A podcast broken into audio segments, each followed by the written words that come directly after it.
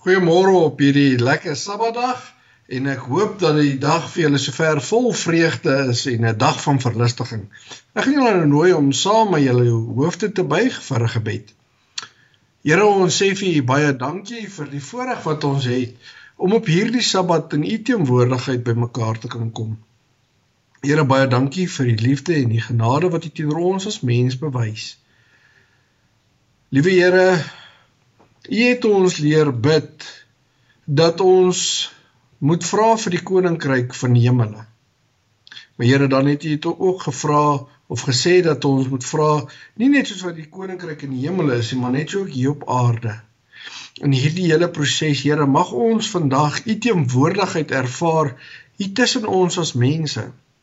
Mag U deur U Heilige Gees tot ons elkeen spreek.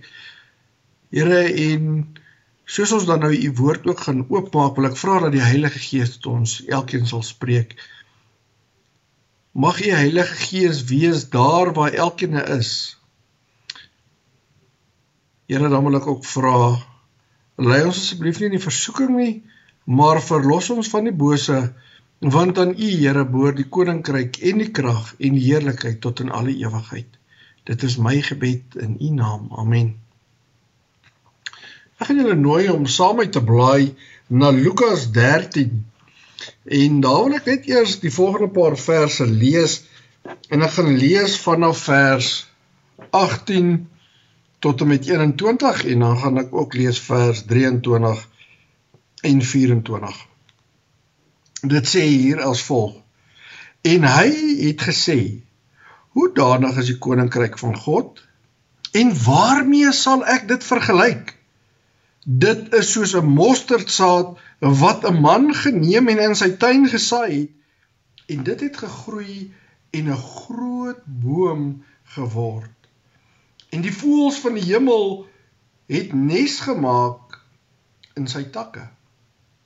En weer het hy gesê: "Waarmee sal ek die koninkryk van God vergelyk? Dit is so suurdeeg wat 'n vrou neem en in 3 mate deel die 3 mate meel inwerk totdat dit heeltemal ingesuur is. Dan lees vers 23 as volg: Toe sê iemand vir hom: Here, is die wat gered word min?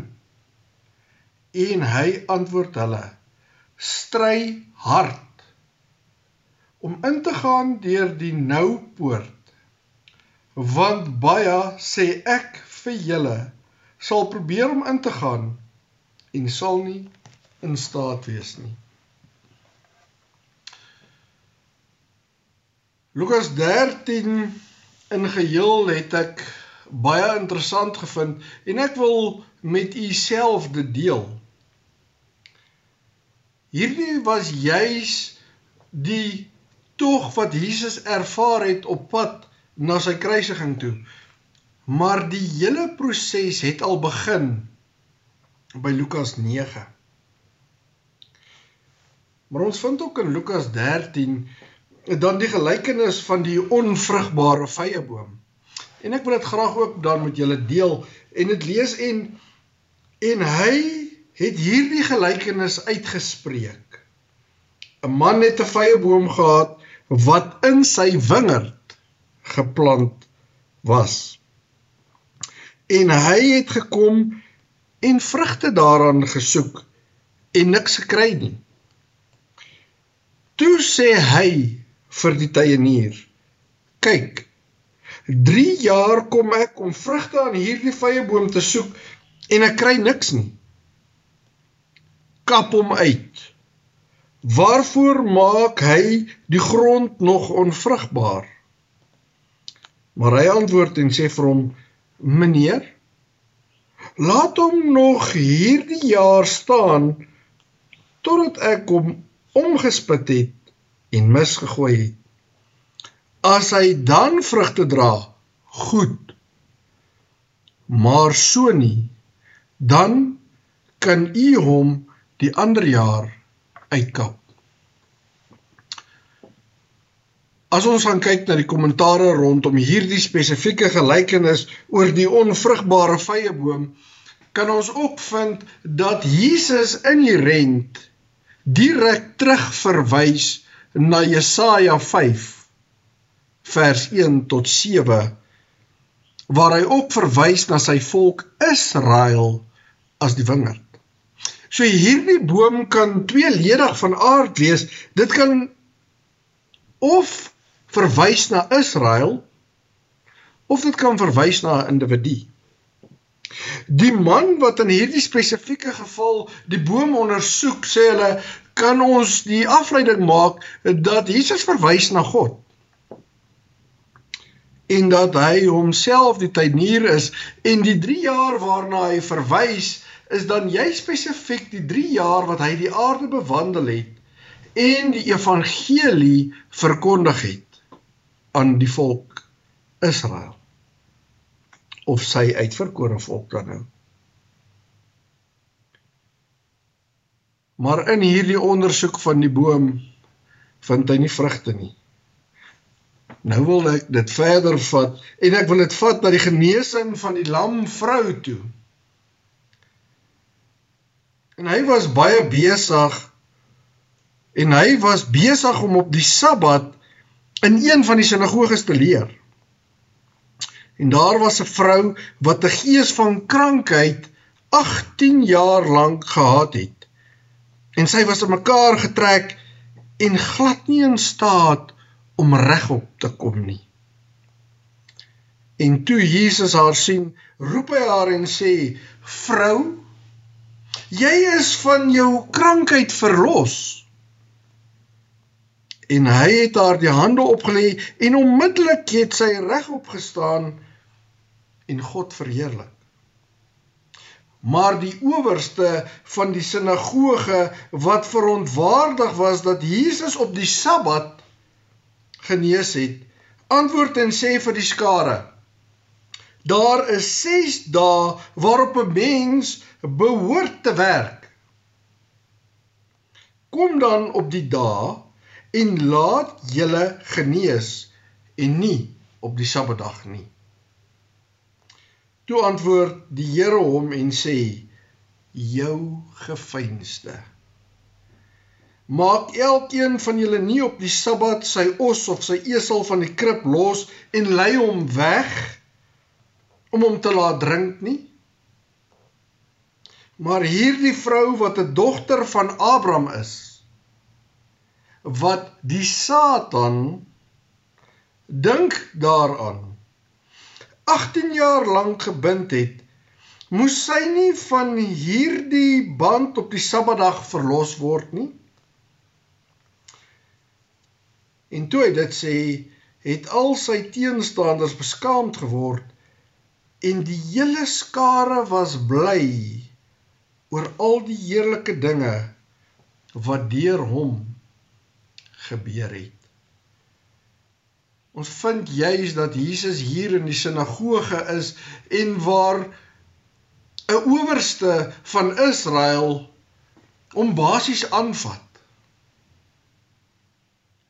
juis omdat hy 'n genesingsproses omdat hy goed gedoen het op die Sabbat.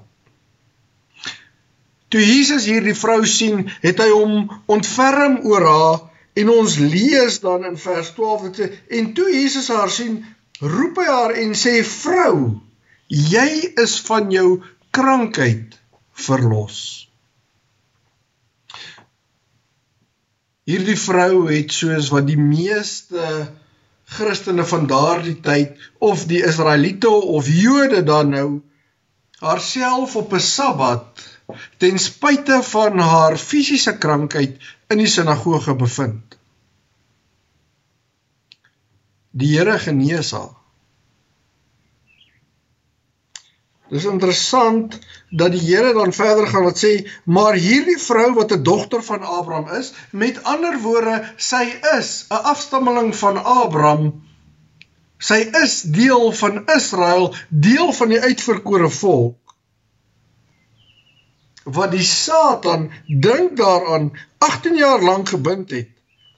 Moes sy nie van hierdie band op die Sabbatdag verlos word nie? Die feit dat hy sê wat die Satan dink daaraan gebind het. Ek wil julle terugvat na Genesis. Die Here kom in die skepping en na elke skepingsdaad wat hy verrig, sê hy en dit was goed. Die Here kom by die mens. Hy skep die mens en hy formeer die mens en hy sê nadat hy die asem van die lewe in die mens geblaas het sodat die mens 'n lewende siel kon word, sê hy en dit is baie goed. Die Here se idee van die skepping was dat alles goed moes wees. Ons vind egter dat Satan hierdie hele proses van goedheid wat God geskep het, omver kom werp en as gevolg van sonde wat Satan die wêreld ingebring het, moet ons as mense dan soos hierdie vrou siektes ervaar, pyn en lyding in ons lewe ervaar en selfs die dood in die gesig staar.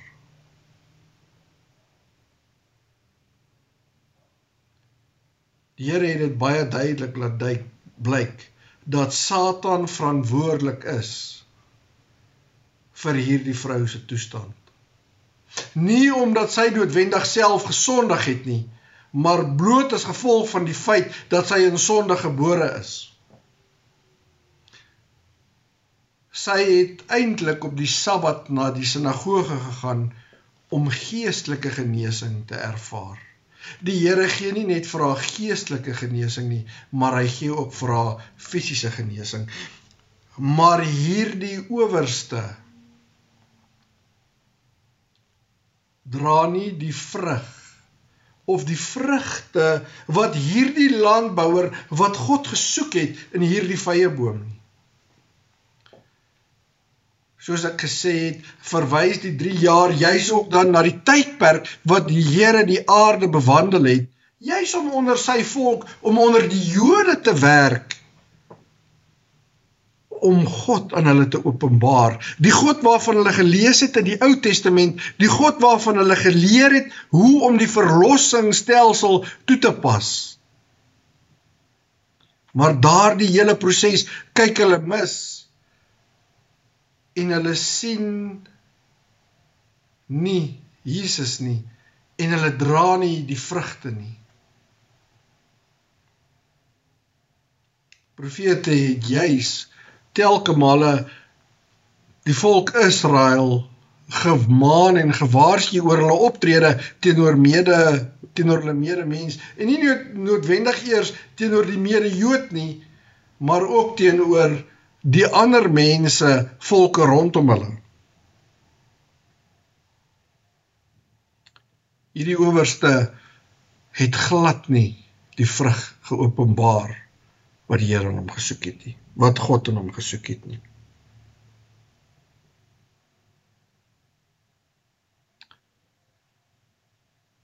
Ek wil nou neem na ons teksgedeelte En ons vind ook ons teksgedeelte in Matteus 13 vanaf vers 31 tot 33 waar hy juis praat oor die mosterdsaad in die boom en dan lees dit en hy hy het gesê hoe danig is die koninkryk van God?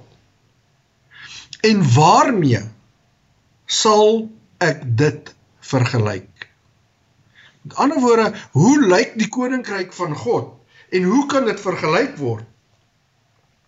Dit is soos 'n mosterdsaad wat 'n man geneem en in sy tuin gesaai het en dit het gegroei en 'n groot boom geword en die voëls van die hemel het nes gemaak in sy takke. In die voorbereiding van hierdie boodskap het ek ook toe gaan Google hoe lyk 'n mosterdsaad. Die mosterdsaad het op die man se vingerpunt gelê en mense kan sien dit is baie klein. Eintlik is die mosterdsaad soos u en ek dit ken, maar net 'n struik, maar die Here vergelyk dit met 'n boom waarin die voëls sy nes maak. Nou ironies genoeg, daar is 'n spesifieke boom waarna hulle verwys het na die mosterdboom wat nogal taamlik groot gegroei het wat ek kon kry wat in die streek van Galilea groei. Volgens die kommentare en van die kommentare wat ek gelees het, kan ons ook dan die mosterdsaad sien as Jesus wat in sy godheid gemanifesteer het as mens om die evangelie van God die Vader hier op aarde te begin uitleef. Na 'n tydperk van 30 jaar wat hy op hierdie aarde bewandel het, kry hy dan vir hom 12 disippels wat basies sy eerste kerk is. Hierdie mosterdsaadjie is besig om te groei en hy kry mense om saam met hom te leer en die evangelie te versprei. Dit is ook dan hierdie selfde disippels wat na die opvaarding van die Here na die hemel op die Pinksterdag, op die dag van die uitstorting van die Heilige Gees, dan ook daartoe in staat is dat die kerk van God groei met 3000 mense wat gedoop word.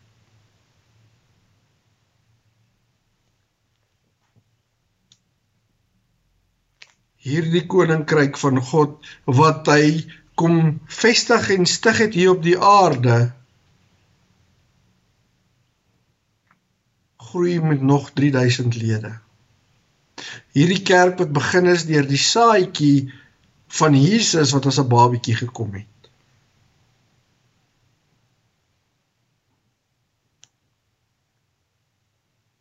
Dan gaan ons verder. En lees en ons lees in vers 20 en sê en weer het hy gesê waarmee sal ek die koninkryk van God vergelyk? Dit is so suur deeg wat 'n vrou neem en in 3 mate meel inwerk totdat dit heeltemal uitgesuur het.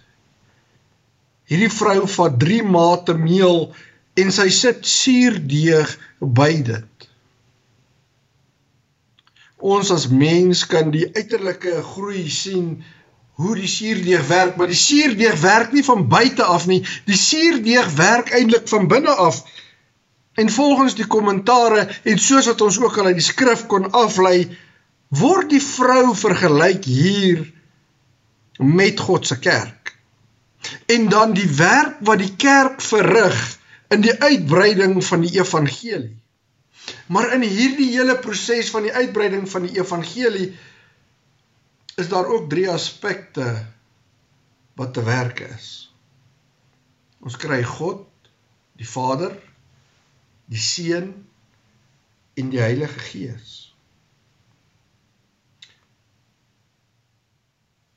Hierdie werking wat plaasvind, dra daartoe by dat die kerk groei.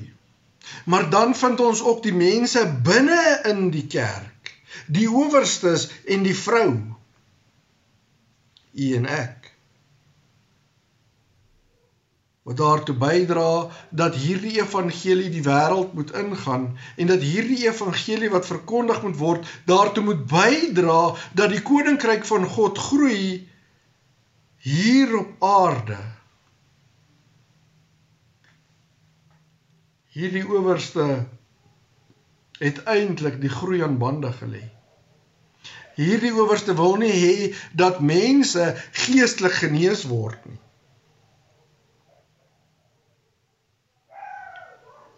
Aan sy vrugte is hy geken want hy het nie eintlik God se liefde teenoor haar geopenbaar nie.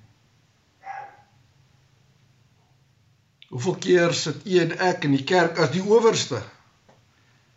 En in plaas daarvan dat ons toelaat dat die Heilige Gees mense verander, wil ons graag die Heilige Gees se werk doen.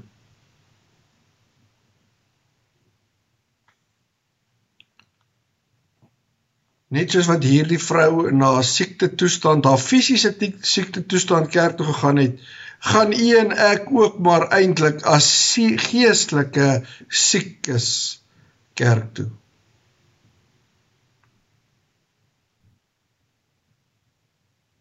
Maar gaan ons op die Sabbat kerk toe om mense wat rondom my te sit en te kritiseer en te wonder in watter geestelike proses van genesing is hulle?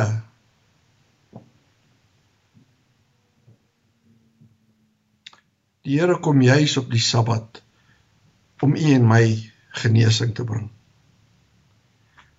Hy wil ons genees van dit wat Satan aan u en my gedoen het. Onwillekeurig dink ek nou aan die vers wat sê die een van julle wat sê dat hy sonder sonde is, lieg vir homself. Wie is die oorsaak van sonde soos ek net nou gesê het en hoekom het Jesus dan juist verwys dat die vrou deur Satan gebind is? Ons word nie net in ons fisiese toestand gebind deur Satan nie. Maar geestelik is Satan ook besig om u en my vas te vang in sonde. Maar die Here kan ons genees in daardie genesingsproses, soos wat ek net te verwys het na die werking van die suurdeeg.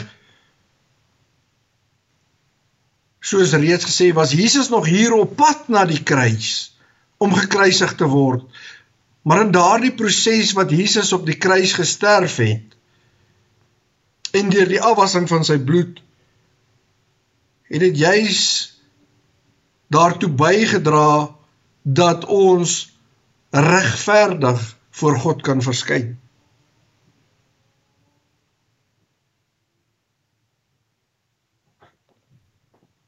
Hier word die verandering van die mens tentoongestel en uitgebeeld.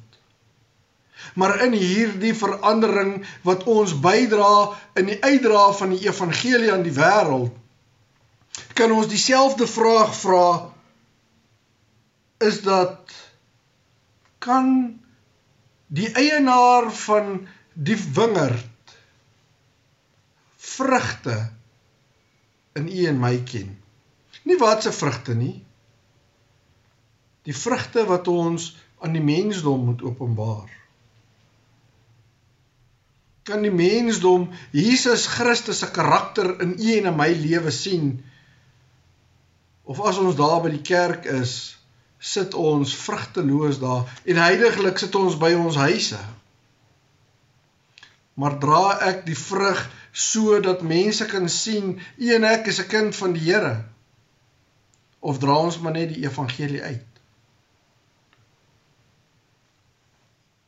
Hierdie koninkryk wat hier op aarde baie baie klein begin het deur die mosterdsaad en verder gevat is om te groei.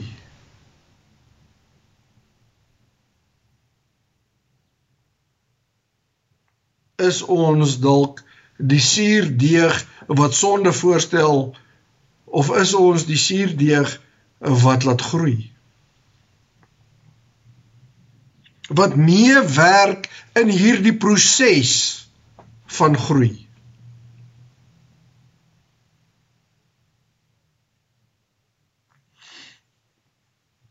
Ek wil verder lees. Vers 23 wat sê toe sê iemand vir hom: "Here, is die wat gered word min?" En hy antwoord hulle: "Stry hard om in te gaan deur die nou poort, want baie sê ek vir julle sal probeer om in te gaan en sal nie in staat wees nie."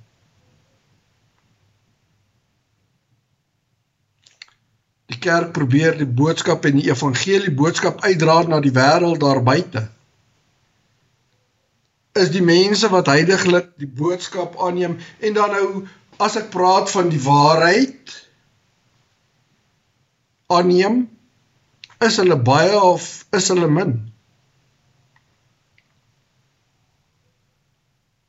Ek dink nie die Here het verniet in Openbaring verwys dat baie agter die draak sal aanloop nie. Maar wat is die waarheid? En ek verwys weer terug na die Heilige Gees waar die Here gesê het en wanneer hy gekom het die Gees van die waarheid, dan sal hy julle lei in die volle waarheid. Maar min sal ingaan.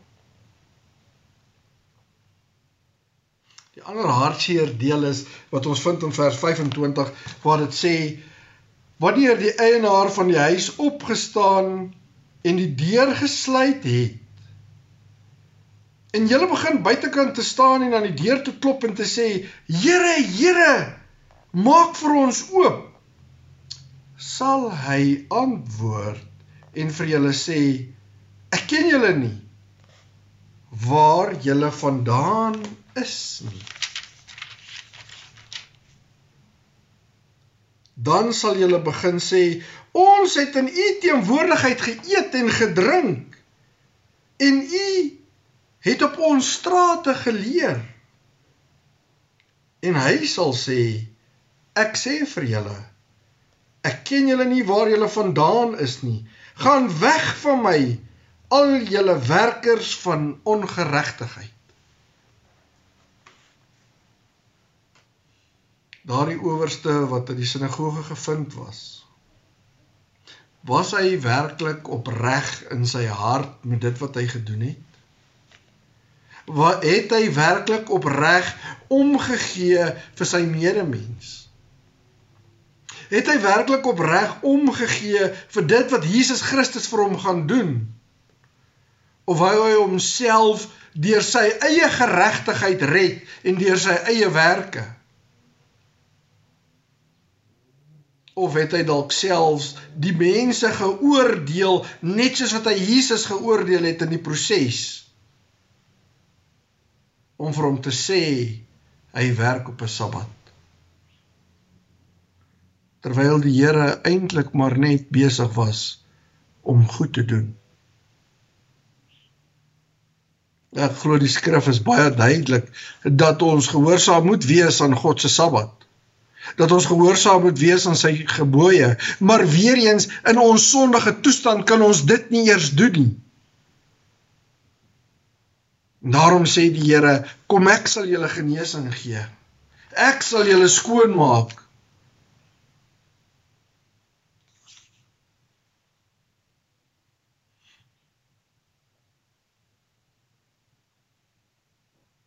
Of wil ons dalk soos hierdie owerste oor ander rondom ons oordeel. Weet ons waar staan die Here met iemand in die heiligmakingsproses? Het dit julle al ooit gepla oor om te laster teen die Heilige Gees? Het ek eendag gelees dat wanneer ons iemand oordeel, ons juis ook kan laster teen die Heilige Gees, juis omdat ons nie weet waar staan die Here in die heiligmakingsproses met 'n persoon nie.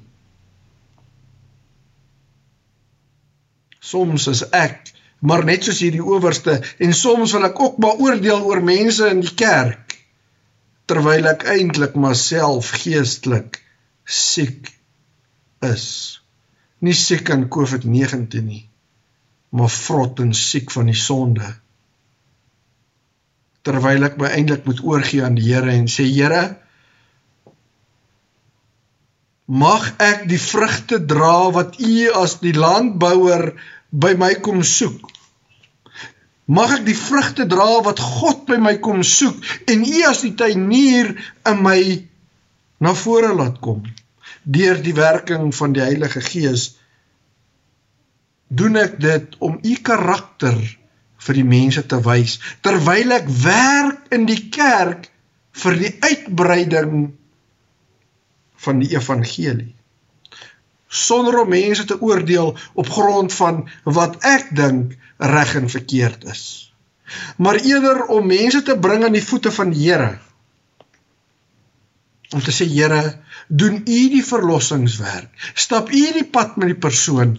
Ek bring net die saadjie. Ek bring net Jesus Christus sodat die mense voorgestel kan word aan die koninkryk van God. Ek bring aan die evangelie aan die mensdom sodat u die werking kan laat plaasvind deur die Heilige Gees, deur die Seun en deur God die Vader.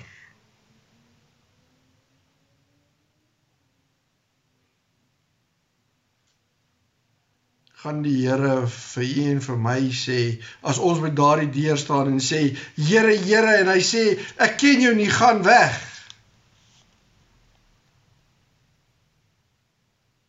of gaan u en ek een van daardie gaste wees wat binnekant sit gaan u en ek die voorreg hê om hierdie koninkryk waarvan die Here praat gaan ons deel wees van daardie koninkryk.